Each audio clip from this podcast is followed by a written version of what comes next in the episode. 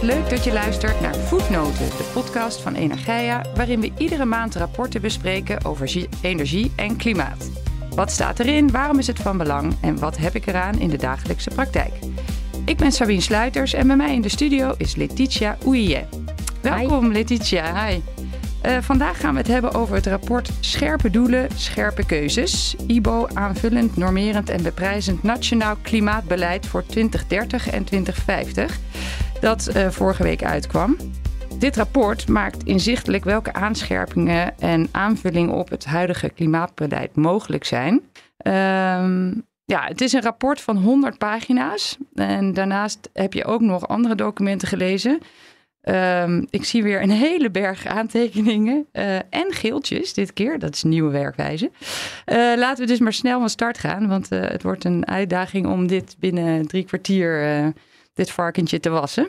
Um, Even kijken hoor. Het ik maak me daar ook heel veel zorgen over. We zeiden net tegen elkaar uh, voordat we starten met, met opnemen van het voelt alsof we nu uh, even de scheikundeproefwerk uh, hebben. Een beetje wel, ja. Het, ja. Echt, je weet dat je goed voorbereid bent, maar je weet nooit welke kant het op gaat. Nee. En het is wel grappig dat je ook zegt het is 100 bladzijden, want dat is het ook. En die, blad, die bijlagen, dat was maar liefst uh, 414 uh, bladzijden. Sorry. Maar ik heb in de uh, taakopdracht die de minister aan het IBO gegeven had afgelopen mm -hmm. zomer een klein um, stukje gevonden waarin hij zei: mm -hmm. de omvang van het rapport zal niet groter zijn dan 30 bladzijden, plus een samenvatting van maximaal 5 bladzijden en de bijlagen met beleidsopties. Oké. Okay, dus ja. aan dat doel. Is niet helemaal voldaan, want het rapport is vrij vrij omvangrijk, maar op zich wel heel uh, helder geschreven. We houden ik. van een challenge. Ja, en we houden van een challenge, zo is het. Um, even voor um, wie dat niet weet, zo'n zo'n IBO, wat, wat, wat is dat precies? Ja, het is een interbestuurlijk uh, overleg, uh, geloof ik, was de, de naam daarvan. En dat is wel grappig, want um, uh, mevrouw Van G. die had, dat is wel een bekende van, van het ministerie, van die heeft in 2021, januari 2021, een studiegroep geleid. Dus wat het verschil is tussen een IBO en een interdepartementale studiegroep is mij niet duidelijk. Nee. Maar uh, toen had ze al gekeken naar wat is er allemaal nodig aan invulling van, uh, van het klimaatbeleid om uh, de opgave uit de Green Deal te kunnen behalen. Ja. En dat was het rapport Werwijzer voor klimaatkeuzes 2030-2050. Ja, dus, dus toen ging het over wat moeten we allemaal doen om van 49% CO2-reductie naar 55 te komen. Ja. En nu is eigenlijk min of meer hetzelfde gevraagd, maar dan om van 55 naar 60% reductie te komen. We leggen de lat steeds, steeds een beetje hoger. En zo'n um, IBO, dat, is dus, uh, dat zijn dus uh, ja, medewerkers of ambtenaren uit verschillende ministeries. Er waren vertegenwoordigers van BZK, dus voor het hele gebouwde omgeving. INW voor wat betreft bijvoorbeeld mobiliteit. LNW voor de landbouw en het landgebruik. Uh, EZK natuurlijk voor uh, alle klimaat- en energieopwek. En ook industrie. En dan had je ook financiën en algemene zaken. En als agendaleden, agenda dus ik denk mensen die niet altijd aanschuiven, maar wel als het over bepaalde onderwerpen gaat. Dat je mensen van sociale zaken, van OCW, dus dat is voor alles rondom innovatie en onderwijs, en van VWS Volksgezondheid. Plus mensen van PBL, CPB en SCSB. Dus het was echt een. Uh, een vrij, uh, ja, vrij groot overleg met uh, heel veel disciplines aan tafel. Ja, en er is ook nog aan gerekend, hè? Uh, ja. Door organisaties. Er zijn drie bureaus, Calavasta, Beergeschot en... C Delft. C Delft heb je ja. gelijk in. Ja, die waren betrokken om, uh, om het uh, re hele reken-acquisitie te doen. En TNO heeft uh, vooral het werk voor haar rekening genomen rondom het adviseren rondom draagvlak en ehm, acceptatie. Ja, En in het voorwoord las ik dat, uh, uh, en, en ook in de aanbevelingsbrief van de minister trouwens, staat dat het rapport zonder last of ruggenspraak tot stand is gekomen. En dan was ik benieuwd, wat, wat is dat? Ja, in principe betekent het dat, en dat was ook in de taakomschrijving die de minister aan dat groep had gegeven, was van ja, weet je, um, ja, ga je ding doen en ik ga jullie niet sturen. Uh, dus uh, het was echt een, uh, een onafhankelijk advies wat er moest komen. met wel wat, wat kaders. Dus dat betekent van hij ze hoefde zich niet te conformeren aan het, aan het huidige beleid. Maar heeft ze wel wat, wat taakomschrijvingen gegeven. Ze heeft gezegd, ja, bijvoorbeeld, um, een daarvan die wij misschien ook wel straks gaan bespreken, is van de instrumentenmix waar jullie naar mogen kijken. Dat moet gaan vooral over normeren en beprijzen. Dus het is niet de bedoeling dat jullie nu voor Sinterklaas gaan spelen en zeggen van ja, als er zoveel miljarden naar die en naar die gaat, dan wil het vanzelf gaan. Nee, je moet gaan kijken wat wij nu uh, met normeren en beprijzen zouden kunnen gaan behalen aan additionele um, reductie. Ja, oké. En het is dus wat je al zei, het tweede rapport, wat onder leiding van, uh, van Geest tot stand is gekomen. Waar ging dat eerdere rapport? Ja, het eerdere rapport dus over de, um, de, de, ophoging van de CO2-reductie van 49 tot 55. Hoe houden ze met elkaar verband? Heb je nog, ja, zag je dingen terugkomen? Bijvoorbeeld nou, maatregelen die destijds niet opgenomen zijn, die gewoon nu weer erin staan? Ik vond uh, het eerste rapport, uh, dus van 2021, uh, die uh, ging kijken naar welke betekenis zou klimaatneutraliteit. Volgende, het vorige rapport ging heel erg ook over de, de keuzes die je maakt richting 2030 en hoe dat zijn weergave heeft op de keuzes uh, voor 2050. Dus als je bepaalde afslagen neemt in 2030, omdat je gewoon heel graag je doelen van 2030 wil halen, heeft dit allemaal wel een consequentie voor 2050. Sommige keuzes uh, betekenen dat je bepaalde routes bijvoorbeeld afsluit voor uh, eh, 2050. Als je een industrie heel erg gaat dwingen om een bepaalde reductie in 2030 te hebben behaald, kan dat betekenen dat er misschien een betere uh, alternatief was om mm verdere reductie te behalen in 2050. Maar ja, dat uh, bijvoorbeeld je zou kunnen zeggen 2030 moet je CO2 uh, uit je systeem halen en opslaan via CCS. Van dat is gewoon het enige wat je nog zou kunnen doen. En ik weet dat er bijvoorbeeld heel hard gewerkt wordt aan uh, elektrische krakers bijvoorbeeld. Dan bij bedrijven zoals Dow. Nou, mogelijkerwijs is de elektrische kraker in 2030 nog niet helemaal klaar. En dan is die er wel in 2040. Maar ja, als je al je, eh, al je fiches hebt uh, gezet op, uh, op CCS, dan is er kans dat ja, fiches. Die komen later aan luisteraars. dat je in 2050 dus, ja, dus niet meer de investeringsruimte dan wel de aandacht hebt voor een ver, verregaande, verdergaande, ja. verdergaande uh, reductietechnologie uh, voor 2050. Dus daar ging het gewoon heel erg over. En vervolgens had zij, uh, vond ik destijds gewoon heel goed ook stilgestaan bij de verschillende um, ja, de verschillende behoeftes van de verschillende sectoren. Dus uh, het vorige rapport vond ik heel empathisch. Hè. Het ging echt over van ja, nou ja, dit is wat de elektriciteitssector nodig heeft: ruimte, infrastructuur, oplossingen voor elektriciteit. Um, dit is wat de industrie nodig heeft. Uh, de technologie is nog onrijp, de infrastructuur is nog uh, onvoldoende uitgewerkt dan wel uh, uh, zeg maar in, in de grond uh, geïmplementeerd. Um, geef perspectief voor duurzame boeren. Mm. ga voor een lokale aanpak in de gebouwde omgeving. Dus het was gewoon heel erg. Ik vond het, het vorige rapport is ook gewoon alom geprezen door de markt. Omdat mensen zeiden van nou ja, dat, het staat gewoon ja. duidelijk in waar we nu gewoon mee te maken hebben. Um, en ze had wel destijds, ja, ze, maar het ja. was natuurlijk de hele commissie, hadden wel een aantal uh, een aantal zaken als soort van uitgestippeld van ja, let op, je zal wel bijvoorbeeld het gebruik van aardgas in de gebouwde, gebouwde omgeving verder moeten beprijzen. Uh, let op, misschien moet je iets gaan doen rondom uh, het min of meer verplichten van de nieuwkoop.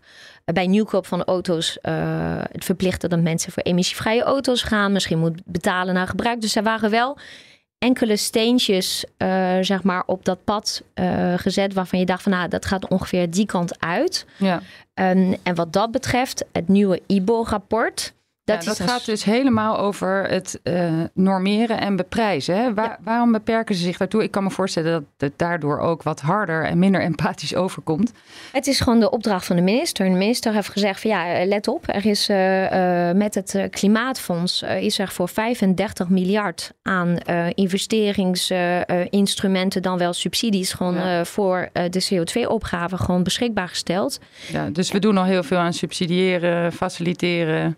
Ja, en, uh, en hij heeft gezegd van ja, uh, dus eigenlijk het is te veel uh, op basis van vrijwilligheid op dit moment en op basis van subsidie. Dus nu ben ik vooral heel erg benieuwd naar met instrumenten rondom normeren, beprijzen. Normeren, dat betekent echt gewoon harde eisen stellen aan bepaalde ja. zaken. Maximale uitstoot of ja. Ja, of type auto's of type ja, labels van woningen. Precies. Uh, dus zij heeft gezegd van ja, in zijn uh, takenopdracht van ik ben vooral heel erg bezig in de instrumentenmix. Uh, ik ben vooral heel erg benieuwd in de ja. instrumentenmix waar we op zou, uit zouden kunnen komen als we gaan nu normeren en beprijzen. Dus ja. dat was, dat was de, het taakje die zij vanuit de minister hadden gekregen. Ja, en het voordeel van normeren en beprijzen, zegt het IBO-rapport zelf, is dat het duidelijkheid geeft aan burgers en bedrijven. het is begrijpelijk, de vervuiler betaalt. Ehm, maar er zijn, er zijn vast ook nadelen. Ja, uh, een van de nadelen die genoemd wordt, en uh, die kan je zomaar uh, zelf verzinnen, dat is gewoon keuzevrijheid.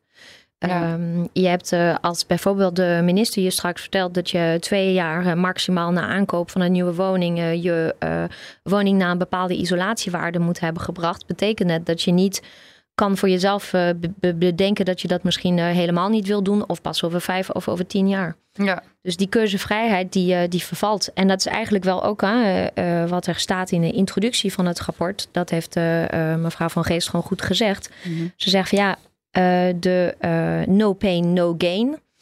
En ze zegt even later ook van ja, de tijd van, van laag hangend fruit is gewoon voorbij. Ja, is ook zo. Ja, een ander nadeel wat ik zelf zou kunnen verzinnen is handhaving. Daar zijn we niet zo heel sterk in gebleken in het verleden. Hebben we dat ook al gezien. Hè? Dus bijvoorbeeld de verplichting tot energiebesparing. Die is ook, ja, daar is ook heel weinig uh, van terechtgekomen. Nou, daar, uh, daar heeft uh, wel, dat is hm. gelukkig wel een van de, van de. Ik heb twee van de maatregelen die. Um, in het IBO-rapport. Elke van de maatregelen die worden voorgesteld in het IBO-rapport zijn uitgewerkt in de bijlage in een visje, noemen ze dat. Ja. Waarin ze de maatregel omschrijven. Ze kijken naar um, wat uh, betekent het qua kosten, uh, wat gaat het opleveren qua CO2, wat zijn de gevolgen voor de, de begroting voor, van het Rijk, maar ook wat is de financiële consequentie van beurs en bedrijven, wat zijn de uitvoeringsaspecten. En een van de visjes die ik meegenomen heb is juist uh, de aanscherping van uh, toezicht uh, op de energiebespaarplicht. Dus dat, daar maak ze wel korte metten mee. Ja. Um, maar ik ben het wel met je eens dat. Um, dat zien we alleen al met het terugbrengen van de gemiddelde, of sorry, de maximale snelheid op de snelwegen. Het is in principe overdag overal uh, 100. En en als ik 100 rijd, dan uh, heb ik altijd het gevoel dat ik ongeveer mijn oma ben achter het stuur. Want ik word aan alle kanten gewoon ingehaald door toeterende mensen. Ja. Um, en je ziet van ja, je kan wel allerlei eh, normen gaan opleggen, maar als er gewoon geen uh, toezicht op komt. Ja, dan heeft het geen zin. Dan, uh, dan houdt het op. Houdt ja. het op, ja. Oké, we gaan eventjes uh, inzoomen op het rapport. Um, het gaat dus om 22 megaton. Uh, tussen die 55% en die 60% zit 22 megaton in de weg. Um, nou denk ik bij dat soort getallen kan ik me zo weinig bij voorstellen. Daarom dacht ik, ik noem even op wat uh, de verschillende sectoren hebben uitgestoten in 2021. De cijfers zijn van het Centraal Bureau Statistiek. De industrie 54 megaton. Mobiliteit 29,8. Landbouw 26,6. En de gebouwde omgeving 24,8. Dus um, we moeten zeg maar uh, in zeven jaar tijd ongeveer evenveel uh, extra reduceren als de gebouwde omgeving min of meer uitstoot in een jaar tijd. Daar komt het op neer. Dus dat is echt veel. Ja. Ja, uh, daar moeten we naar zoeken. Um, hoe hebben ze het rapport precies opgebouwd? Wat, uh, ja, misschien op de, over de, de 22 marathon. Want je, je vroeg me ook uh, gisteren van ja, wat, wat uh, die extra 22 marathon die ze missen, hoeveel is dat dan precies? Ja. En um, het gaat om een uh, uitstootreductie uh, per jaar. Dus in 2030 moet je zorgen dat, er, uh, dat dit per jaar gewoon de, de, de uitstoot is wat je gewoon verminderd hebt in die jaar. En zo'n Tata Steel, um, en nu pak een beter. Ik heb mm. gewoon cijfers van Milieudefensie. Dus ja, dat zijn niet de cijfers van Tata zelf. Die komt uit op zo'n 12,6 megaton per jaar wat Tata uitstoot. Um, dus 22 is pak een beet, uh, twee keer data. Ja. Dus dat is nogal wel een gat wat je ja. dan even uh, moet vullen. Ja. En uh, die 22 megaton zou je kunnen denken van we doen toch van alles. En dat is ook zo. Maar het heel belangrijk om te zeggen, dit rapport heeft dus te maken met het feit dat er uh, op Europese niveau zijn we gegaan van een bepaalde getal naar nu die 55 procent. En die 55 procent, daarvan heeft de coalitie gezegd in het coalitieakkoord. Uh, we hadden ooit bij het klimaatakkoord 49% ten opzichte van 1990. Um, maar we gaan naar die 55%. En uh, om er zeker van te zijn dat we de 55% gaan halen, mikken wij op 60% van. Dat kan altijd tegenvallen. Ja, precies. Ja, en dat soort tegenvallers zitten, dan, uh, zitten er dan al in opgenomen. En ik geloof ook dat ze daardoor uit kunnen gaan van een middenscenario. Uh, er is altijd een laag, midden en hoog scenario waar ze zich dan uh, ze richten ze zich op een middenscenario. Ja, ja en, en uh, 22, nou, het staat een hele uitleg van hoe ze op dat cijfer zijn gekomen. Maar zonder tekort te willen doen aan de mensen die daar heel hard aan gerekend hebben. De uitstoot in 1990 was 200, 220 megaton. Mm -hmm. dus als je gewoon ineens 10% ja. meer moet doen, dan is dat ja. 22. nou, even, even naar het rapport. Hoe is het precies opgebouwd? Het is opgebouwd uit. Um, uh, ze hebben eerst het beleidsprogramma Klimaat doorgelicht. Dus dat is het programma wat, uh, wat, uh, wat EZK en, en de rest van het kabinet nu heeft. Daarna zijn ze gaan kijken: is de instrumentenmix nu per sector helemaal compleet? dus nou, hebben we echt naar alle mogelijke instrumenten gekeken welke opties uh, of welke knop zijn er waar je nog aan zou kunnen draaien.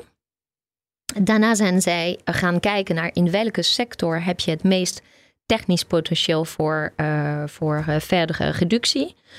Um, ze zijn een check gaan doen, dat is heel belangrijk, met het uh, Fit for 55 pakket van de Europese Commissie. Want als je van alles in Nederland gaat veranderen en later blijkt mhm. dat je daardoor een sector helemaal in de problemen trekt ten opzichte van de, de, de Europese wetgeving, ja, dan heb je echt een probleem. Uh, de ambitie wordt volgens verhoogd in verschillende sectoren. Bijvoorbeeld als onderdeel van Fit for 55 gaan de brandstoffen die gebruikt worden in de gebouwde omgeving, mobiliteit, kleinere industrie, die worden in een nieuwe ETS e toegevoegd bij 2027. Dus je hebt nu een Europese tradingsysteem voor uh, de grote industrie. En uh, je er komt straks een Europees trading systeem 2, noemen ze dat, per 2027. ETS 2, ja. Voor die, uh, die andere sectoren. Maar je hebt ook bijvoorbeeld als onderdeel van Fit for 55 dat de Europese zeevaart in, um, en ik weet niet meer precies welke datum, gaat ook over naar de ETS 1. Dus er verandert van alles in het Europese beleid. En het is niet de bedoeling dat je dat je een beetje zelf gaat, gaat lopen um, schuiven en doen. Nee, dat je daar wel echt goed rekening mee houdt, zodat het elkaar niet in de weg zit. Ja. En daarna hebben zij heel belangrijk gekeken naar de kosteneffecten. Mm -hmm. uh, kosteneffecten zowel voor uh, burgers en uh, bedrijven als wat voor impact heeft het op de rijksbegroting. Nou, dan hebben ze de beleidsopties uitgewerkt, hebben ze aanbevelingen erbij gedaan. En dus in de bijlagen heb je uh, voor elke van de maatregelen die uh, worden voorgesteld, heb je dus een, een vrij, uh, nou, ik denk per maatregels van acht bladzijden ja. aan uitleg van uh, draagvlakkosten, uitvoeringsproblemen, et cetera. Ik zie aan je gezicht dat je het niet heel interessant vond. nou nee, het is, het is super spannend. Want, oh, toch wel? Nou ja, wel. Want ik heb er maar, ik heb me beperkt tot het lezen van vijf of zes van die maatregelen die in mijn werk belangrijk zijn. Mm -hmm. En um, het is wel interessant om te zien hoe ze komen tot, uh, tot de, de, de begroting, uh, effecten en de kosten, et cetera, et cetera. Maar wat super interessant is, is ook wanneer ze zeggen van oké, okay, wil je deze maatregelen doorvoeren? Dit is de wettelijke aanpassing die wij dan uh, met z'n allen moeten gaan doen. En in dit bouwbesluit moet je iets gaan sleutelen. En in dit. Dus dat is gewoon super interessant. Van ja. Het geeft ook aan dat je niet zomaar als minister morgen kan opstaan en zeggen van weet je wat ik ga doen? Ja. Um, je hebt gewoon een enorme weg te gaan voordat deze maatregelen één voor één geïmplementeerd ja, zijn. Het is mooi om te zien welke, uh, hoe, hoe lang het duurt en wat er moet gebeuren voordat het echt concreet is, voordat er in de staat ook uh, bij een paar is. van de maatregelen staat dat, uh, dat de hele wetswijzigingstraject bijvoorbeeld die er nodig voor zou zijn, die is soms drie tot vijf jaar. Ja. we zijn nu in 2023. Dat we wel haast hebben, ja. Dus um, ja, het okay. is zoals het is. Ze hebben het gezegd. De laaghangend fruit, de tijd ervan, is, is voorbij. voorbij. Ja. Het is nu allemaal moeilijk en ingewikkeld. Ja, nou, de, de meeste megatonnen, namelijk driekwart van de reductieopgave van 22 megaton, moeten bij industrie, landbouw en mobiliteit vandaan komen. Hoe onderbouwen ze die keuze? Ja, hoe onderbouwen ze de keuze? Dat vind ik een hele goede. Ze hebben zich uh, gebaseerd ook op, uh, ze hebben gekeken naar wat, uh, waar PBL aangeeft dat er, en van het PBL de, in onze vorige ja. podcast Leven, hebben wij over de KEF 2022 is nog terug te, zien, te luisteren op Spotify, Report Talk, heel leuk. En wij we hadden in november hadden wij de KEF 2022 ja. gewoon doorgelicht. En daarin bleek dat het bestaand beleid uh, van de regering ons zou brengen tot een reductie in 2030 van tussen de 39 en de 50 procent. En dat het geagendeerd beleid uh, tussen de 41 en de 52 procent uh, zal gaan. Ja, en hoe zijn zij tot de conclusie gekomen dat er het meeste ruimte in deze sectoren zit? A, wegens gewoon de hoeveelheid uitstoot die er in deze sectoren zijn. Mm -hmm. En um, B, omdat er een aantal sectoren zijn, zoals bijvoorbeeld bij elektriciteit ja, er wordt gewoon nu al vol ingezet op de bouw van uh, wind op zee. En uh, dus wat dat betreft, ja, een versnelling had ik niet heel erg um, ja, geloofwaardig uh, gevonden. Nee. Um, en dat er voor de rest zeggen ze, ja, de industriedagen zien we nog wel ruimte. En hebben ze ook gekeken naar, uh, ik geloof, een, het was een analyse van TNO die heeft gezegd, nou, kan nog van alles gedaan worden aan het efficiënter maken van bepaalde processen. Los van CCS en weet ik wat, je zou nog wel uh, heel veel uh, processen zuiniger kunnen maken. Hm. Dus dat is één ding. En voor landbouw denk ik dat we gewoon met z'n allen al een tijdje aan het aan het draaien zijn. Ja. het is niet voor niks hè, nu dat er ook uh, in deze verkiezingen uh, een grote, uh, zeg maar, dat dat gewoon ook heel bepalend is geweest voor, voor de stem van, van veel mensen. Het gevoel dat die dossier toch al een tijdje blijft, blijft liggen. Daar zullen we het aan het einde nog wel eventjes over hebben. Ook. En mobiliteit zou je kunnen zeggen, van, ja, maar rijden al zoveel elektrische auto's. Maar mobiliteit gaat ook over de vliegsector, de rivierenvaart, ja. de mobiele werktuigen. En daar moet, is nog een wereld te winnen. Ja. Oké, duidelijk. Nou, dit was een hele aanloop, maar nu kunnen we dan toch echt naar de maatregelen zelf. Um, laten we daar eens even induiken.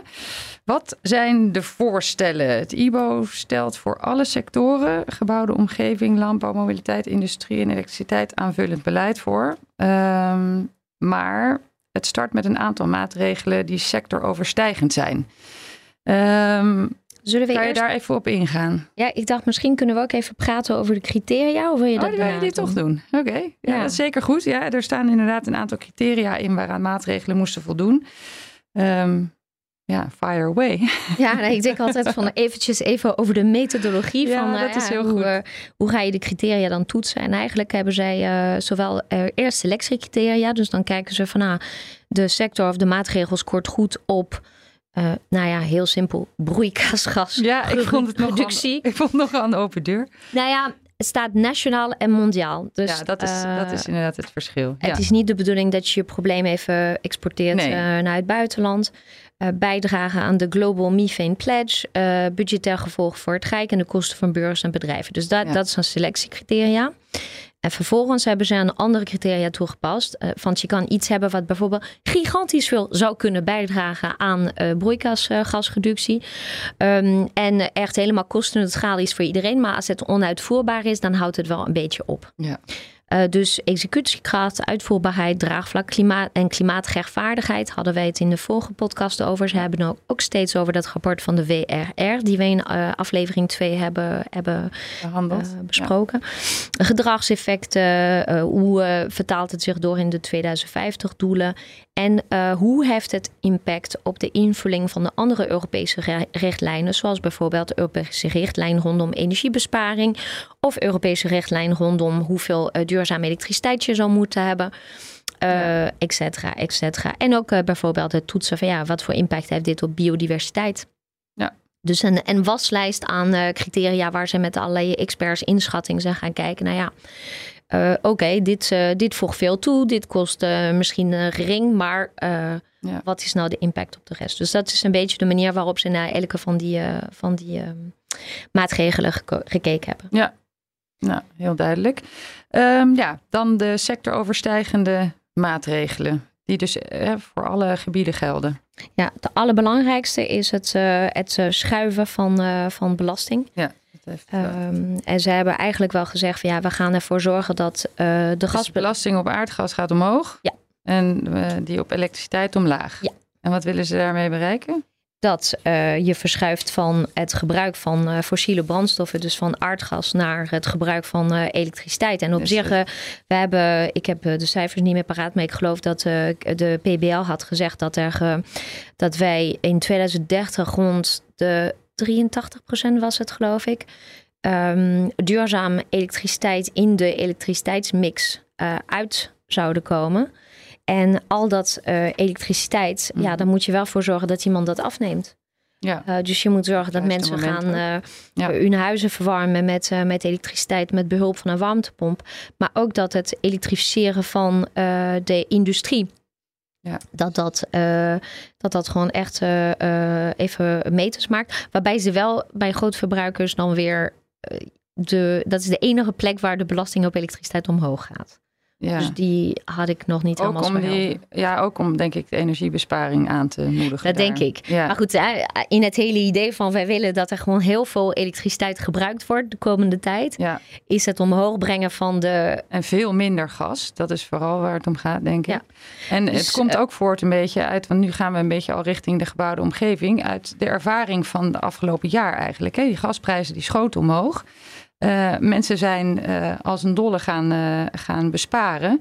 Nou wil je natuurlijk niet dat mensen in de kou zitten omdat ze gewoon hun energierekening niet kunnen betalen. Dat is niet de vorm van besparing die, die, die er nagestreefd moet worden. Maar je wil wel dat mensen hun verwarming uitdoen in ruimtes waar ze niet zijn. het licht uitdoen als je er niet bent. Al dat soort simpele dingen. en daar is echt 25, mensen zijn 25% minder gas gaan gebruiken. Um, ja, dat, dat was ook een eye-opener. Er zit dus nog een heleboel besparingsmogelijkheid ook hè? in die, ja, uh, in die nou, omgeving. We hebben wel uh, met elkaar geconstateerd aan de hand van het rapport over energiearmoede dat het. Uh, en ik was afgelopen zaterdag weer een dagje met de ploeg tot strippen plakken en dat soort dingen. En ik heb bij alle huizen waar ik gekomen ben, ik heb er geloof ik negen gedaan. Bij zes was de verwarming de hele winter niet aan geweest. Ja. Uh, en ik zag allemaal uh, gewoon grote rollen tape waren uitgerold over de ramen om ervoor te zorgen dat er gewoon echt gewoon geen tocht naar binnen komt. Um, dus um, ja, mensen zijn minder aardgas gaan gebruiken, maar dit komt echt wel gewoon ten koste van de leefbaarheid en de comfort in je woning. En dat, dat doet echt wel een beetje pijn. Maar ik snap wel dat ze nu zeggen van ja, weet je, um, als je het die, voelt. Die belasting, die, die aardgasbelasting, die gaat eigenlijk, uh, daarmee wil, uh, willen we de prijs voor aardgas gewoon min of meer kunstmatig hoog houden. Stabiel houden, ja. ja. En dat heeft ermee te maken dat er uh, eigenlijk um, zijn twee belangrijke studies die hier aan de grondslag liggen. De DNB, de Nederlandse bank, die heeft een tijdje geleden gezegd van, een tijdje, een paar maanden geleden, heeft een studie uitgebracht waarin ze zeggen de meeste mensen gaan er nu van uit dat energieprijzen slecht tijdelijk uh, slechts tijdelijk zijn gestegen. Ja. De meeste mensen die denken van ja, het was tijdelijk. En het is ook uitgebreid in de krant geweest dat de prijzen ondertussen weer wat gedaald waren. Dus het was een storm in een glas water. Mm. Zie je wel. Hè? Uh, dus het is, uh, het is helemaal niet zo. En uit meerdere onderzoeken zegt het rapport van de IBO, uh, staat uit meerdere onderzoeken is gebleken dat een financieel voordeel de belangrijkste reden is voor het verduurzamen van de woning. Dus eigenlijk ja wat Ibo zegt, uh, en we zijn nu al uh, aanbeland bij de gebouwde ja, omgeving. omgeving voor wie ik mee zit te schrijven. Ja. um, uh, wat Ibo zegt, ze zegt van um, wij moeten ervoor zorgen dat mensen niet meer denken dat de prijzen weer laag gaan worden. Dus je moet kunstmatig een soort van prijsgarantie geven aan mensen, zodat ze weten van oké, okay, als ik nu een investering doe, dan is het eigenlijk een goede investering voor mijn portemonnee. Uh, dus ja, de enige manier, je hebt de prijs van aardgas heb je zelf niet in de hand. Hè? Uh, nou ja, nu is het met het plafond en dat soort dingen, met het plafond is ook maar tijdelijk. En dat is sowieso een plafond om het, om het juist kunstmatig laag te houden. Uh, maar ze zeggen van ja, dan maar aan de belastingknop draaien. Ja. En niet een beetje ook, hè? van voor die eerste twee schijven van de belasting gaat het volgens mij van 49 cent naar 70 cent per kubieke meter. Dus, maar tegelijkertijd gaat de elektriciteitsprijs omlaag. Ja, ja, nou niet de elektriciteitsprijs, de belasting of, sorry, de, dat bedoel ik. Ja, ja, maar de prijs uiteindelijk voor consument is dus wat lager. En, uh, en, ook uh, wordt er ingezet op isolatienormen. Ja. Ja, dat is uh, het volgende. Dus de een is van ze zeggen van we gaan ervoor zorgen dat je dat je gewoon even uh, de prijzen kunstmatig hoog uh, wordt uh, gehouden. En hiernaast gaan we gewoon eventjes een, een, normering doen op. En de normering die is er al voor huurwoningen. Van bij huurwoningen is er gezegd dat je in 2000 um, geloof ik 2026, maar pin me daar niet aan vast. Misschien is het 2028. Ik ben heel erg aan het bladeren tegelijkertijd. Maar um, daarvan is gewoon echt tegen de huursector gezegd: ja, beste mensen, woningen van onder de, de label D. Uh, weg ermee. Dus ga er maar wat aan doen. Dan ga je woningvoorraad even verbeteren. Maar ze zeggen eigenlijk de sector waar we het minst grip op hebben, dat is de koopsector. Want uh, woningeigenaren die, nou, die horen dat er een, een soort van uh, transitievisie warmte is in de wijk. Maar ja, geen idee wat dat dan precies gaat betekenen. En hoe pakt dat dan voor hen uit? En daar wordt ook niet met, met ze overlegd. Dan, van het is gewoon heel vaak een deal die tot stand komt tussen een gemeente en de woningcoöperatie. Van dat is gewoon één gezicht. Dat is gewoon uh, ja. duidelijk ook om een afspraak ermee te maken. En ze zeggen van ja, voor mensen is de, de kennis gewoon heel versnipperd. Ze zitten in dubio, ze zien veel onzekerheden, uh, ze horen spookverhalen. Ze maken zich gewoon een beetje zorgen over wat het allemaal zo gaat kosten. Dus je moet die mensen een soort van een, een, echt een prikkel gaan geven om in ieder geval los van het verduurzamen van je warmtebron de, uh, de panden te gaan isoleren, om daarmee aan de slag te gaan. En um, het voorstel is dat je uh, hiervoor uh, logische momenten gebruikt. Dus een logisch moment, dat is een transactiemoment. Als een woning wordt verkocht van Piet naar Kees, dan is dat een goed moment om tegen Kees te zeggen van ja, je hebt net even een woning gekocht met label G. En by the way, binnen twee jaar verwachten wij dat je dat gewoon gebracht hebt naar label D bijvoorbeeld of C. Ja. En, Want dan ga je ehm, waarschijnlijk, vaak als je een huis koopt, ga je toch wat, wat dingen opknappen, vernieuwen, veranderen. Dus dan is het een mooi moment om die isolatie mee te pakken. Dat en het is ook een heel mooi moment om financieren dan. Ja, dat is het. Qua financiering is het het logisch moment om, uh, weet je, dat, dat als je op Funda kijkt naar zo'n huis en er staat van dit zijn wat je maanden lasten zouden zijn als je nu een hypotheek zou sluiten. Mhm. Ja, dan weet de financier bijvoorbeeld van ja, let op, uh, aan de hand van uh, de criteria nu van je huis en je label, denk ik dat je 15, 20, 35, 40.000 euro kwijt gaat zijn aan het verduurzamen van dit appartement. Om te voldoen aan de normen. Dus laten we dat ook meenemen in, je, in het financieringsplaatje. Er is nog steeds één groep, en daar hebben we het vorige keer ook over gehad, die hier uh, zeg maar tussen de mazen van het net doorglipt. En dat zijn de huurders in de private sector. Dus de mensen die gewoon van huisbazen huren, zeg maar. Ja, maar in principe, als, het, uh, als, uh, als die normering er nu komt, uh, dan gaat er ook gewoon normering zijn voor de eigenaren van deze woningen. Dus okay. dat is, uh, maar nu maar is die de verkopen niet zo gauw een huis. Nee, dus dat is ook. Uh, ik heb wel gewoon begrepen dat er ondertussen bij heel veel gemeentes gewoon toch wel de, de private sector zijn niet allemaal boeven. En dat gewoon heel veel van de privéverhuurders gewoon echt in gesprek het treden met de gemeentes. En andere, nee, ik, ik dacht, ik, ik was al helemaal blij. Ik dacht, je gaat mij weer een kans geven om te praten over mijn uh, alle vers, uh, mijn, mijn uh, favoriete doelgroep. gang, Letitia. Dankjewel, dankjewel. Ik heb ook geschreven op uh, bladzijde, ik kan er niet eens zien op welke bladzijde is dat. Maar goed, ik heb in het rapport 37 ja. de woorden huilen geschreven voor mezelf. Want daar staat voor gebouw van Vereniging van Eigenaren ja, die doorgaans als geheel gebouw wordt gerenoveerd, ligt een normering van de verduurzaming van het gebouw op een vast moment in de tijd meer voor de hand. En um, ik snap dat. Ik snap heel goed dat je zegt van ja, weet je, die hele grote flat gebouwen, hup, uh, pak maar aan en ga gewoon even zorgen dat je dat ook isoleert. Want daar zit heel veel energiearmoede in. Maar ik wil nog een keer uh, van de gelegenheid gebruik maken om te zeggen dat het in de uitvoering vastloopt. Oké, okay, ja. ja. Dus en en, en daar noemt het IBO niks. Uh, daar zeggen ze niks over. Nee, het IBO uh, in de fiche die ik erbij gepakt heb, over de, die heb ik natuurlijk wel gelezen over de VWE's. Ja.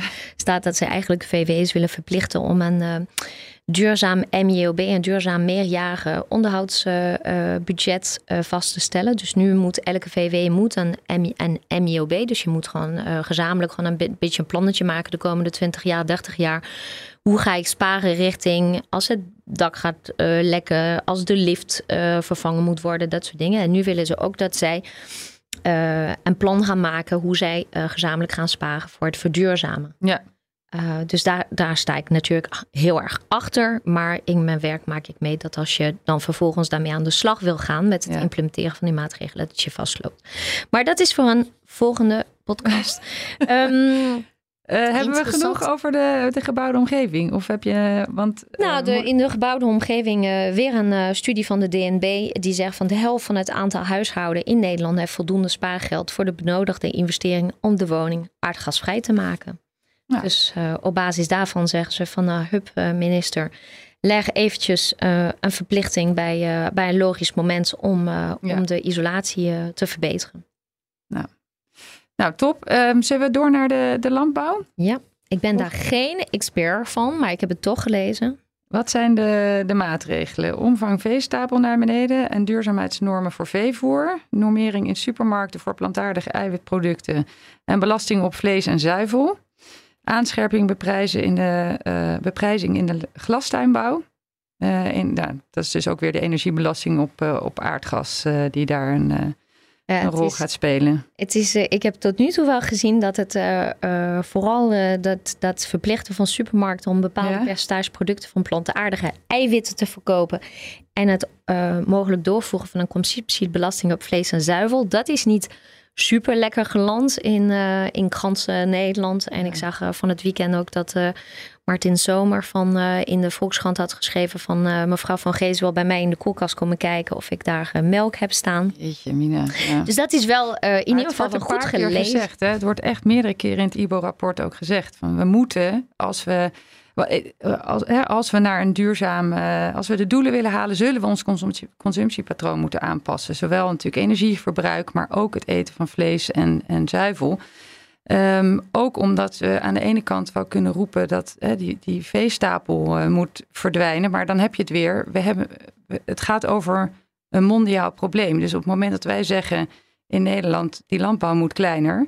Um, en we blijven gewoon al die producten eten en drinken, dan gaan we het probleem gewoon naar het buitenland exporteren. Ja, en, ik moet wel zeggen, een van de, van de maatregelen, om de maatregel bijvoorbeeld het introduceren van normerende beprijzend beleid om het voedselpatroon aan te passen. Uh, stel dat je een tax zou, uh, zou invoeren op vlees en zuivel. Ze schrijven wel in dat rapport dat de opbrengst van deze belasting vervolgens gebruikt zou moeten worden ja. om de Nederlandse landbouwsector te helpen met Precies. verduurzamen. Dus een beetje van ja, laten we even hand in hand uh, ja. slaan en, um, ja, en aan de slag gaan met elkaar. Ja, de glastuinbouw, dat is, er is een, een fantastische um, documentaire gemaakt, een radiodocumentaire gemaakt door, ik geloof, Avrotros, maar nu zeg ik het misschien verkeerd. Um, er was een maand of vier, vijf geleden. En dat ging juist over hoe um, de, de tuinbouwsector in Nederland, die altijd um, een interessante aardgasprijs had. Hè. Um, ze hebben allemaal een WKK. En uh, uh, de WKK hebben zij de laatste tijd heel erg ingezet om elektriciteit ja. te produceren die ze vervolgens aan het net verkochten. En uh, ja, dat, dat, dat, dat levert gewoon winstmarge. Het is gewoon op. een beetje side business. Nou, en een van de, van de, van de, van de glastuinder die zij uh, interviewde in dat uh, documentaire, die zei van ja, het is eigenlijk nu een soort van mijn main business. Ja, precies. Het meeste en, mee te verdienen. En de SDE, die de maatregel was, maar waarmee ze gewoon warmte op een andere duurzame manier konden gaan uh, opwekken dan wanneer ze de WKK gingen inzetten daarvoor, de warmtekrachtkoppeling, die op basis van aardgas werkt. Ja. De SDE, die heeft een hefboom met aardgasprijzen. Dus nu dat aardgasprijzen hoog zijn, zegt, uh, is de rekensystematiek voor de subsidie van de SD's++, die zegt van ja, dus is er geen subsidie meer. En voor deze sector um, ja, betekent dat dat er op dit moment dus geen prikkel is om te investeren in bijvoorbeeld uh, geothermie. Ja. Uh, dus de WKK... gewoon die, simpel. Ja, die, te veel aan aardgasverkoop. Ja, maar ik, ik, zij willen allemaal wel innovatiever en anders aan de ja, kast. En ze hebben ook, want dat stond ook in het IBO-rapport, uh, zeg maar voor hun eigen verbruik is, het, uh, is de hoeveelheid aardgas heel erg gedaald al, hè? Flink, flink afgenomen. Ja. Alleen voor de hele sector is het toegenomen, omdat er dus inderdaad meer elektriciteit wordt opgewekt met voor ons allen. Ja, voor ons allen. Ja. Maar goed, ja. Dus uh, die, die, ja, die, die sector is ook op zoek naar een, een toekomstperspectief. Uh, rondom uh, innovatie en dat soort dingen. Maar als je bij alles wat je wil innoveren gewoon geconfronteerd wordt met het feit dat daar de subsidie voor weg is of dat er gewoon perverse prikkels zijn in de subsidie, ja, ja dan, dan zit je ook vast. Ja, ja is ook zo. Ehm, ja, nog even over de veehouderij. Want daar is dus, wordt de meeste winst volgens het IBO het, grootste reductiepotentieel. Ehm, daar kan met technische maatregelen nog wel extra broeikasgasreductie bereikt worden. Maar ze zeggen, um, we zullen toch ook echt die veestapel moeten terugbrengen. Ehm, hoe zien ze dat voor zich? Ja, ik, heb, ik moet zeggen, omdat ik, je moet gewoon altijd als expert kiezen waar je wel expert van bent, waar je niet expert van bent. Dus um, ik heb uh, gelezen het, het, hoofdstuk over, over wat zij vinden dat er zou moeten gebeuren met de veestapel. En ik ben daarna even gaan kijken wat LTO daarvan vindt. Ja, nou kan ik wel uittekenen. Dus uh, eh, LTO die zegt van uh, het biedt geen perspectief voor de agrarische sector. We zijn al jaren bezig om tot een landbouwakkoord te komen. Dit is het zoveelste ambtelijk rapport en het voedt de wantrouwen. Um, bij de provincies en bij de boeren. Dus um, nou, ik weet niet of dit echt wel de, de verzoenende uh, rapport was van uh, het Rijk richting uh, de boeren. Het is ook niet van het Rijk. Hè? Het is gewoon van ambtenaren die met elkaar zijn gaan zitten. Ja. Nou, het verkleinen van de veestapel, dat, dat ligt al jaren. En dat had ze ook gewoon heel. Het is, ze blijft heel consequent met, met het advies van 2021. Want daar stond het ook al in. Ja, um, precies. maar we zullen het straks over de varianten hebben. Ja, want er zijn inderdaad twee alternatieve varianten op dit rapport geschreven ook. Uh, eentje waarin de landbouw uh, wordt ontzien, wordt en eentje waarin de industrie wordt uh, ontzien. dan gaan we gauw door naar de mobiliteit. Ehm, welke maatregelen stelt het IBO daarvoor? Ja, de mobiliteit, ehm, de uitstoot in de mobiliteitssector is eigenlijk, als je kijkt naar sinds 1990, is die eigenlijk beperkt uh, gedaald. Um, en uh, is een beetje eigenlijk een hele interessant plaatje op uh, bladzijde 47, waar je ziet dat de emissies eerst, als je het bekijkt over de hele periode, dan is het echt gedaald van 32 megaton in 1990 naar 30,5 in 2021. Dus wel een daling. Maar is een enorme piek geweest rond 2005 uh, van ongeveer 41 megaton. Dus wat je ziet is dat het eerst tussen 1990 naar 2005 dat het onwijs gewoon uh, klimt. En dat het vervolgens gewoon weer uh, netjes daalt. maar ze zeggen van ja, waarom daalt het allemaal zo, stagneert het zo hè, in de mm -hmm. daling? Want iedereen als een moeder heeft een elektrische auto en wij zitten allemaal in de trein. En wat is er nou aan de hand? En eigenlijk zegt het IBO-rapport van ja, het is inderdaad zo. De auto's zijn allemaal zuiniger geworden. Maar er zijn 30% meer auto's op de weg dan, uh, dan 30 jaar geleden. En uh, ze noemen het, ik vind het een prachtig woord, de SUV-catie. Ja. dus we hebben allemaal gewoon steeds waardige auto's. Ja. Um, en dat is problematisch. Dus daarvan zeggen ze van ja, daar moeten wij wel mee aan de, aan de slag. Een andere reden waarom um, zij ook kijken naar de mobiliteitssector. Ze zeggen van ja, de emissies van de Nederlandse lucht- en zeevaart tellen nu niet mee in nationale doelen, maar zijn wel heel belangrijk op uh, mondiaal niveau. Ja. Um, dus dat is ook een uh, hele belangrijke. Uh, ze zeggen van de bunkerbrandstoffen die in 2021 in Nederland zijn verkocht aan de internationale lucht- en zeevaart uh, zijn emissies ten hoogte van circa 40 megaton. Ja, dat is echt heel veel. En de, um, uh, even voor de mensen die niet weten wat bunkerbrandstoffen zijn. Dat is een brandstof die getankt wordt door dan wel zeeschepen in havens of uh, um, vliegtuigen, luchthavens. Zo komt je havenhart ja, ineens. ja, ja, ja. De haven van Rotterdam, de grootste bunkerhaven van Europa. Ja. En, en, en, ehm, en in de top drie geloof ik, wereldwijd zelfs. Ja, ja en uh, dus nu zeggen ze van ja, daar moeten we, daar moeten we iets mee. Uh, dus uh, ze hebben een aantal voorstellen gedaan wat betreft het wegverkeer. stellen ze voor om eigenlijk vooral het zakelijk verkeer, om die gewoon flink te gaan verduurzamen. Dus ze zeggen van ja, je zou moeten zorgen dat, dat zakenauto's, hoe noem je dat? leaseauto's dat dat uh, allemaal emissievrij wordt. Ja, en uh, even nog voor de statistiekjes. Wegverkeer veroorzaakt 80% van de uitstoot in de sector. Ja. Dus, dus dat, is echt heel veel. Ja. Dus, en daarbinnen zijn het vooral de personenauto's. De helft van de uitstoot van het wegverkeer wordt uh, veroorzaakt door personenauto's. Ja, dus en dan nou, vrachtauto's 25% en de rest zijn dan bestelbusjes en, en werktuigen en dat soort dingen. Dus ze zeggen van nou ja, het is uh, blijkbaar ook een beetje ingewikkeld om op uh, Europese niveau daar uh, goede afspraken over te maken. Nederland heeft in de recente onderhandelingen over de herziening van de CO2-emissienorm in Europa voor personenauto's en bestelauto's, ehm, hadden ze geprobeerd om ehm, om in te zetten dat lidstaten de ruimte zouden krijgen om bijvoorbeeld verdergaande normen te stellen voor uh, personenauto's. Maar daar hebben ze gewoon geen, uh, geen meerderheid voor weten te krijgen. Dus Nederland heeft er wel voor gelobbyd, maar dat, uh, wil men niet. Nee, dus juridisch niet haalbaar stond in het IBO. dus nu um, zeggen ze van ja, wat je niet op, op nationaal niveau kan, dat kan je wel altijd op lokaal niveau gaan regelen. En wat je ziet is dat heel veel gemeentes in Nederland milieuzones hebben ingesteld. Ja, toevallig staat er dus bij mij vlak bij mijn huis een heel groot bord. Ik woon in Rotterdam. Met uh, zeg, kom jij in 2025 met je bestelbusje de stad nog wel in? Dus, dat is een heel goede vraag. Van vanaf 1 januari 2025 hebben gemeentes inderdaad de mogelijkheid om een zero-emissiezone voor stadslogistiek, dus alles wat met bestel- en vrachtauto's te maken heeft, in te stellen. Ja, Precies, nou in Rotterdam dus ook. En veel steden willen dat uitbreiden. En uh, vanaf 2030 ook voor personenauto's dat soort emissiezones uh, instellen. Maar ook dat uh, schijnt juridisch nog niet te kunnen. Dus nou, één, dus we hadden net over het zorgen dat zakelijk verkeer, dus dat leaseauto's, dat dat gewoon emissievrije auto's zijn. Ja. daarnaast het zorgen dat er veel meer milieuzones worden, worden ingesteld op gemeenteniveau. Uh, en daarnaast willen ze ook gewoon via beprijzing iets doen, waardoor het interessanter is om een uh, uitstootvrije auto te kopen dan een, uh, een fossiele auto. En nou ja, hoe zouden ze dat kunnen doen door het verhogen van de ppm voor, voor nieuwe fossiele auto's? Zouden ze daarvoor kunnen zorgen dat het prijsverschil kleiner wordt? En zeggen ze dat. Wat is de ppm?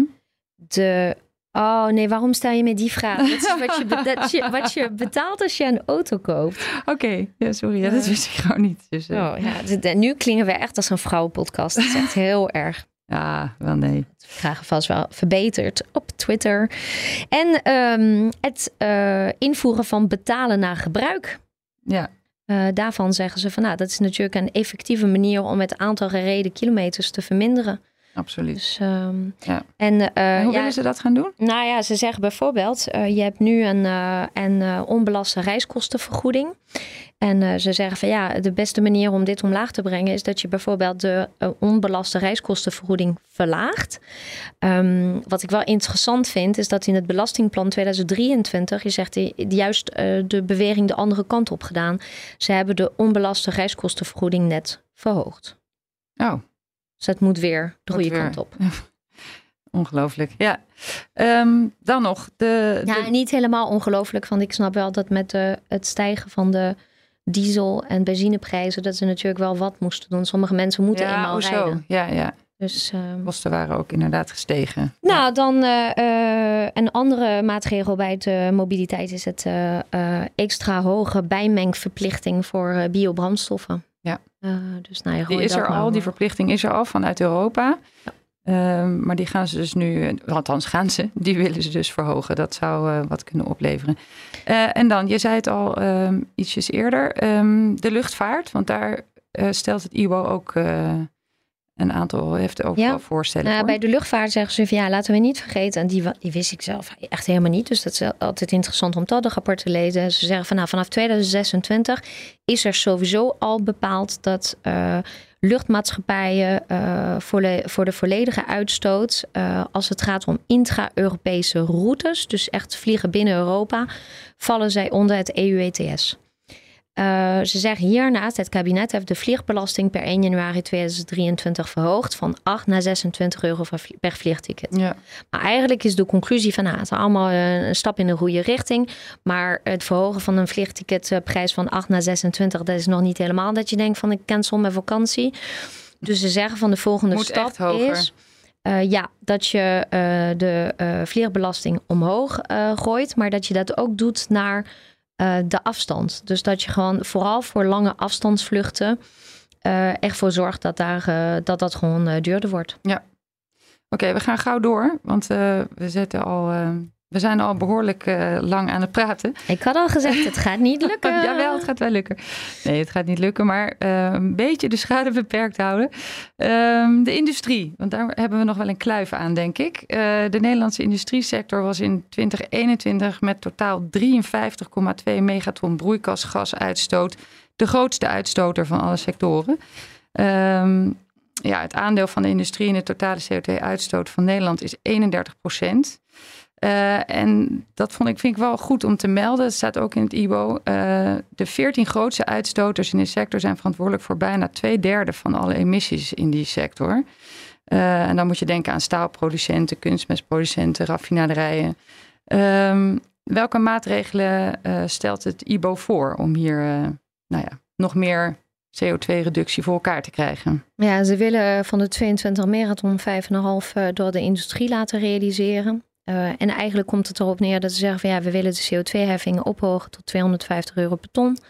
En we willen het non-energetisch gebruik van brandstoffen, die willen wij gaan uh, belasten. En dan moet je bedenken bijvoorbeeld uh, voor staalproductie.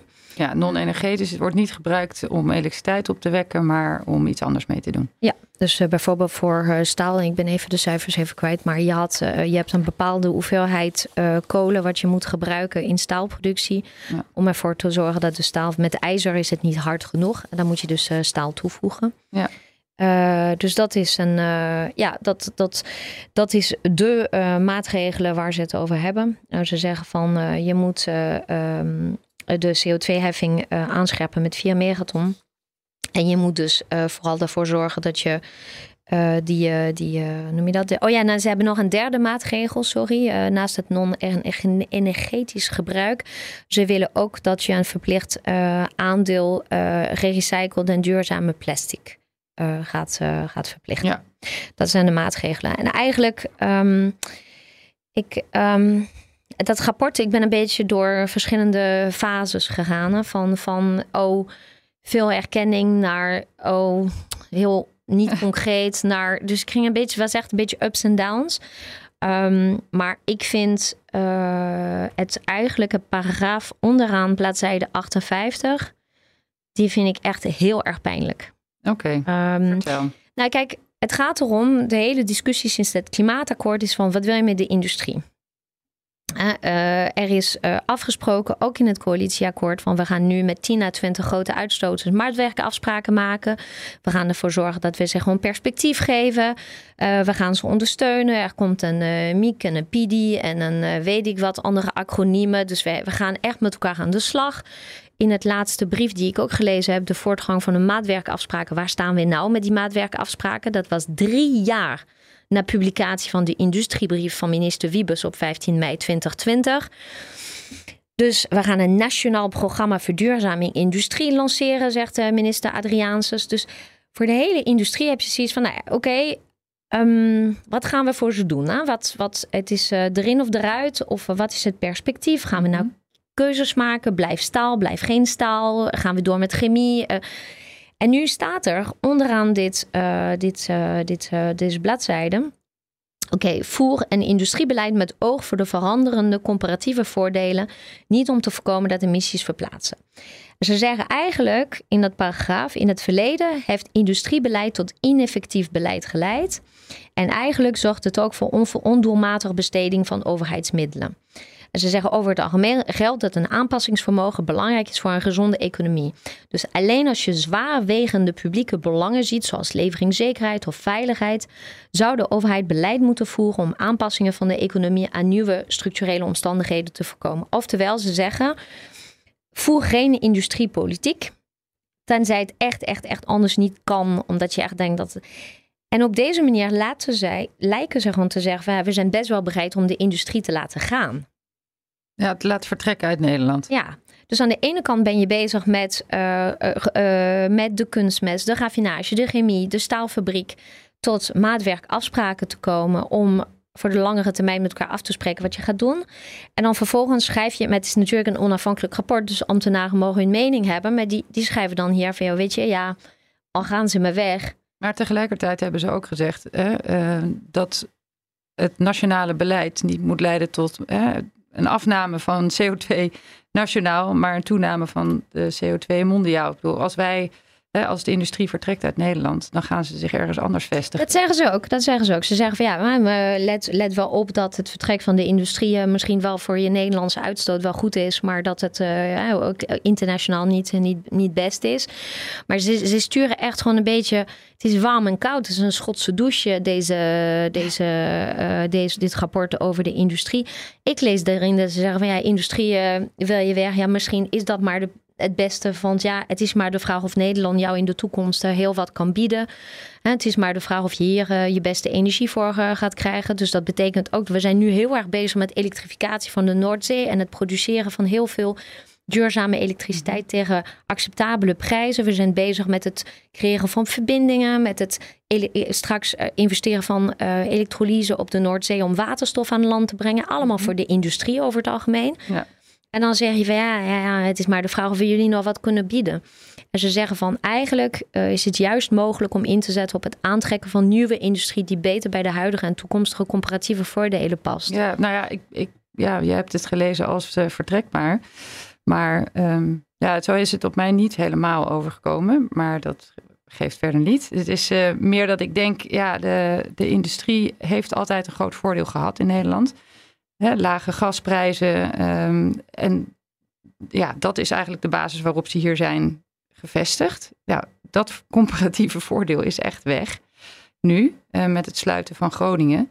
Uh, dus op zich, ja, uh, het is op zich logisch, denk ik, als industrie zijn eigen weg zoekt. En uh, ik kreeg niet de indruk dat ehm, er wordt gezegd, ja, donder maar op en we, we, willen ook niks voor jullie betekenen nee, ehm, maar er staan wel ook een paar dingen. Bij de volgende staat er uh, volgende bladzijde staat borg wederzijds commitment vanuit de overheid en de industrie. Nou, dat is dat hele maatwerkafspraak. Jij doet iets, ik doe iets.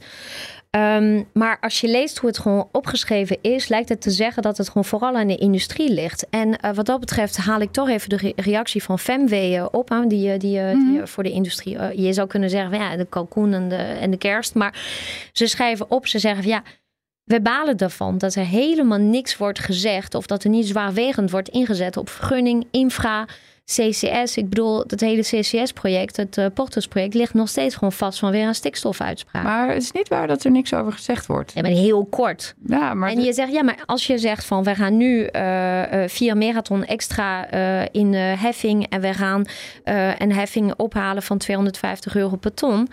En je lost niet de andere problemen op, dat zij gewoon dus niet over kunnen gaan tot, tot verduurzamen, dan werkt het alleen maar kostenverhogend. Ja, maar dat noemen ze wel, hè, dat die problemen er allemaal zijn. En uh, zij zeggen dus, hè, in het IBO wordt voorgesteld, de Climate Urgency Office. Ja, om die problemen op te lossen. Ze hebben net, uh, ze lanceren binnenkort het Nationaal Programma Verduurzaming Industrie. Ik bedoel, die beste mensen die zijn gewoon volgens mij alleen bezig met koffie drinken straks. Dus dat, ja, ik weet het niet hoor. En daar staat ook nog een andere heel interessante staat van ja, de overheid moet gewoon nodenmaatregelen uh, overwegen als het gaat over de lange doorlooptijden of die stikstofcrisis, waardoor blijkt dat belangrijke CCS en waterstofprojecten voor 2030 niet gerealiseerd kunnen worden. wat is dat? Een noodmaatregel. Wat ga je dan doen? Dus nou ja, kortom. Wie het weet mag het zeggen. Ja, dus het, het, het, uh, misschien ben ik een beetje gevoelig op deze. Ook omdat ik denk van dat zijn allemaal gewoon wel banen en mensen die daarin werken. En ja, natuurlijk zie ik dat de industrie een hele belangrijke aandeel heeft in het, in het, uh, zeg maar, in het uh, behalen van grote. ik vind ook altijd het banenargument een beetje en maar toch is die er wel. Ja, tuurlijk zijn er mensen die daar werken, maar daar kan van alles voor in de en plaats dat, komen. Dat voortgang maatwerkafspraken. Nu baal ik ervan dat we dat niet eigenlijk als rapport hadden gekozen. Maar ik denk van, wat is dat ook een slechte brief? Ik bedoel, ik wil de brief helemaal hernoemen. De keizer heeft geen kleren. Want staan allemaal van, ja, wat gaan we er bovenop doen? En dan denk ik van, nou, ik wil liever een brief van hoe gaan we ervoor zorgen dat die industrie, in ieder geval wat er in het klimaatakkoord staat, gaat kunnen realiseren Wanneer komen de CCS-projecten? Wanneer komt uh, de, de waterstof uh, uh, beschikbaar? Um, in het rapport van Van Geest van 2021 staat van, nou ja, de technologie is nog niet rijp genoeg. Waar staat in het rapport van de IBO dat we nu fors gaan inzetten op, op technologieontwikkeling? Bij okay. deze. We gaan, we gaan even door, want anders lopen we echt vreselijk uit de tijd. Ja. Um, we hebben namelijk nog elektriciteitsproductie. Uh, ja, wat in deze sector gebeurt, heeft heel veel invloed. Uh, uh, meteen invloed op de verduurzaming van andere sectoren. En er is al heel veel gebeurd in de sector. Um, wat moet er nog meer gebeuren? Nou, zij uh, noemen opnieuw aan dat, uh, dat zon en wind uh, de mix gaat, gaat domineren. Aangevuld door kernenergie staat ja, erbij. Stel mij ook op. Dat is de enige keer dat het Duurzame woord valt. Ja, ja, ja, ja. en ze zeggen van, nou, we moeten vooral voor 2050 een emissievrije oplossing hebben gevonden voor regelbaar vermogen. En hoe lossen ze dat op? Door te zeggen dat er twee, eigenlijk twee, twee grote zaken moeten gebeuren. Aan de ene kant batterijen bij grote zonneparken. Uh, dat is eentje. Ze willen Ja. normeren van uh, zon uh, op daken. niet dat dat gewoon helpt met flexibel vermogen, maar het is de andere maatregel die ze nemen.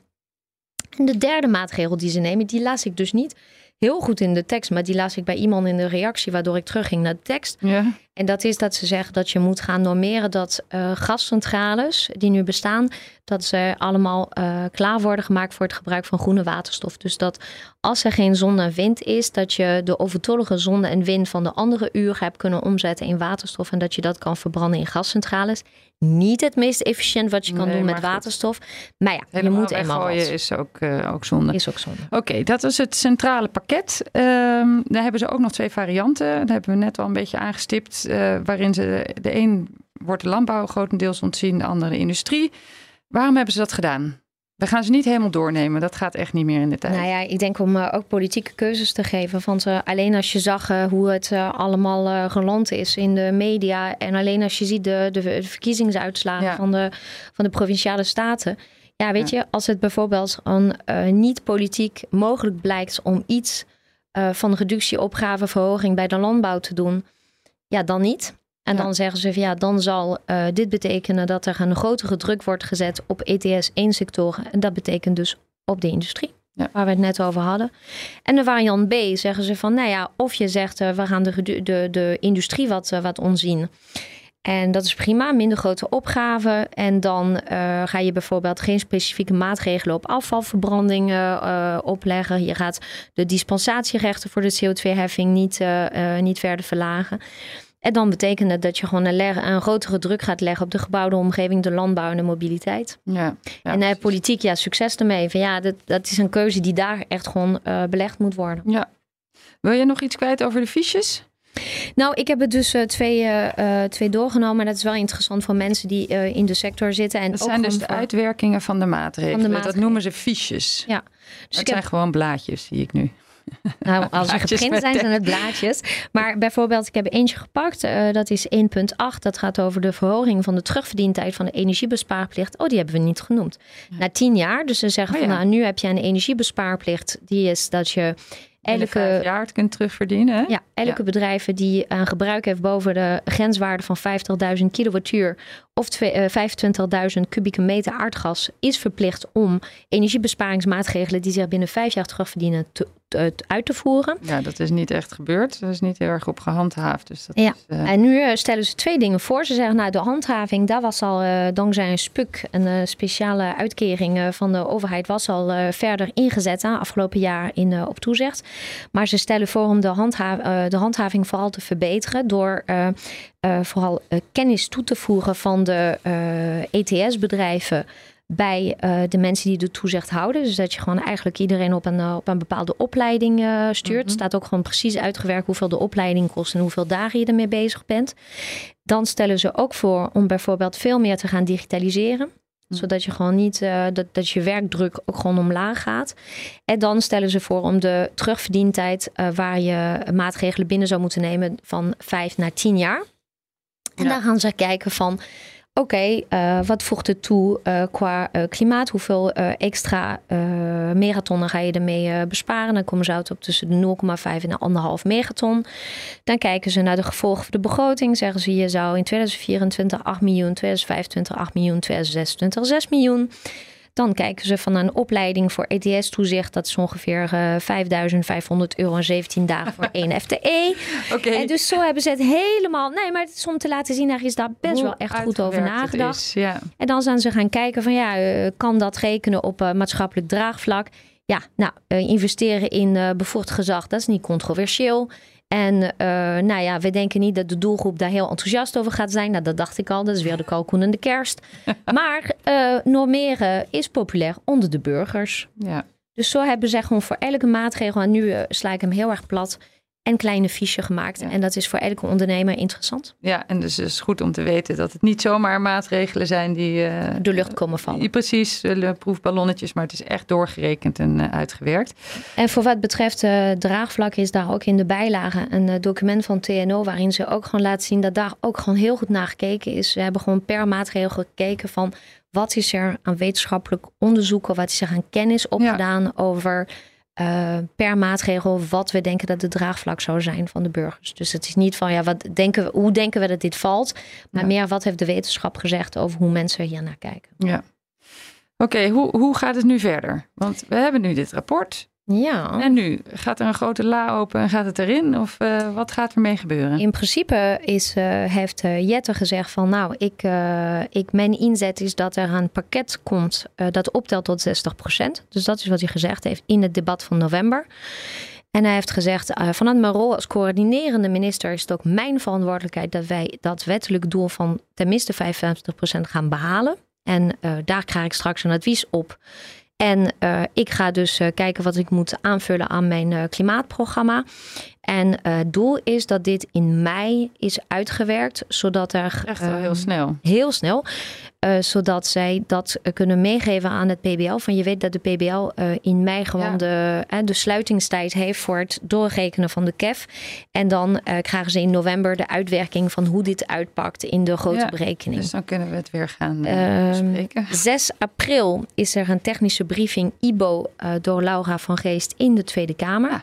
Uh, dat zijn allemaal technische briefings die je online kan bekijken. Dus voor de, voor de mensen die denken van nou, dit was een totaal onaanvoerbare podcast. luister naar de vrouw die het uh, geschreven heeft. 6 april in de Tweede Kamer. Maar um, ja, het, het, het, ja, het rammelt, rommelt wel een beetje in de coalitie. Want, um, ja, precies. De provinciale statenverkiezingen. Hoe gaan, wat, en niet alleen dit, maar uh, Rutte en Adriaanses, die zijn allebei ook gewoon. Uh, dus Jette die zegt, nou, een toprapport, dankjewel, helder. Uh, ik, voor mij is duidelijk dat er extra sta stappen genomen moeten worden. Adriaanses, die heeft in het AD de volgende dag gezegd... ik ben nog niet helemaal overtuigd dat dit allemaal nodig is. Oh, kijk aan.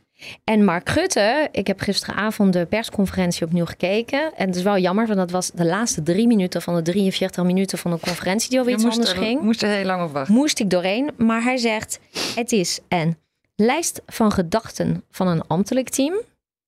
Daarna zei hij, ik moet eerst de cijfers bekijken. Wat is er wel of niet doorgerekend? Nou, heel veel dus. Daarna zei hij, de afspraak is 55%, niet 60. Oké. En daarna zei hij, uh, we gaan dus stap voor stap mee aan het werk. Nou, dan denk ik, nou nee, volgens mij is mei je deadline. En daarna zei hij, en dat vond ik echt zo fantastisch. Eerst kijken hoe groot het probleem is en hoop het zichzelf vanzelf oplost. Nee, dit meen je niet. Of het zichzelf vanzelf gaat oplossen. Oh, fantastisch. Nou, dus dat vond ik geweldig. Rutte die zal die la aan het opentrekken en, uh, en Jette probeert hem weer dicht te doen. En ondertussen Energie Nederland die zegt, uh, jullie alleen uh, de stok, niet de wortel.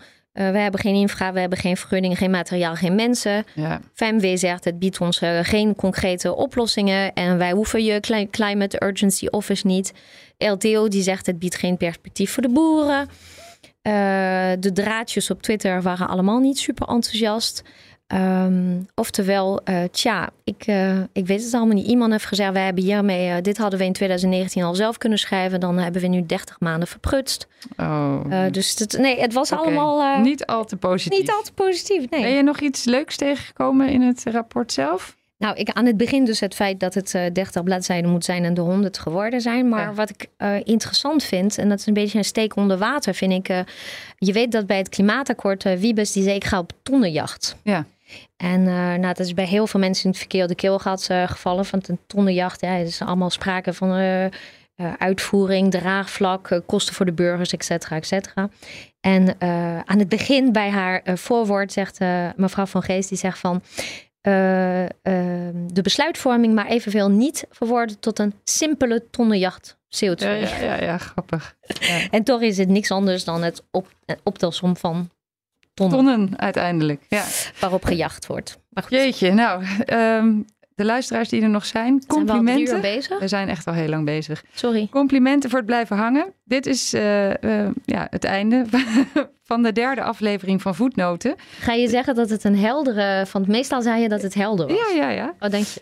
Um, ja, ik vond, ik vond het was wel helder, maar ja, het was ook gewoon echt een heel dik rapport. Hele heel, hele kluif. Ik heb aan ja. mijn, uh, voor wie wil, wie biedt, uh, voor mijn aantekeningen. Ja, kan ik oh, allemaal foto's van aantekeningen weer. Dankjewel Letitia voor je heldere uitleg.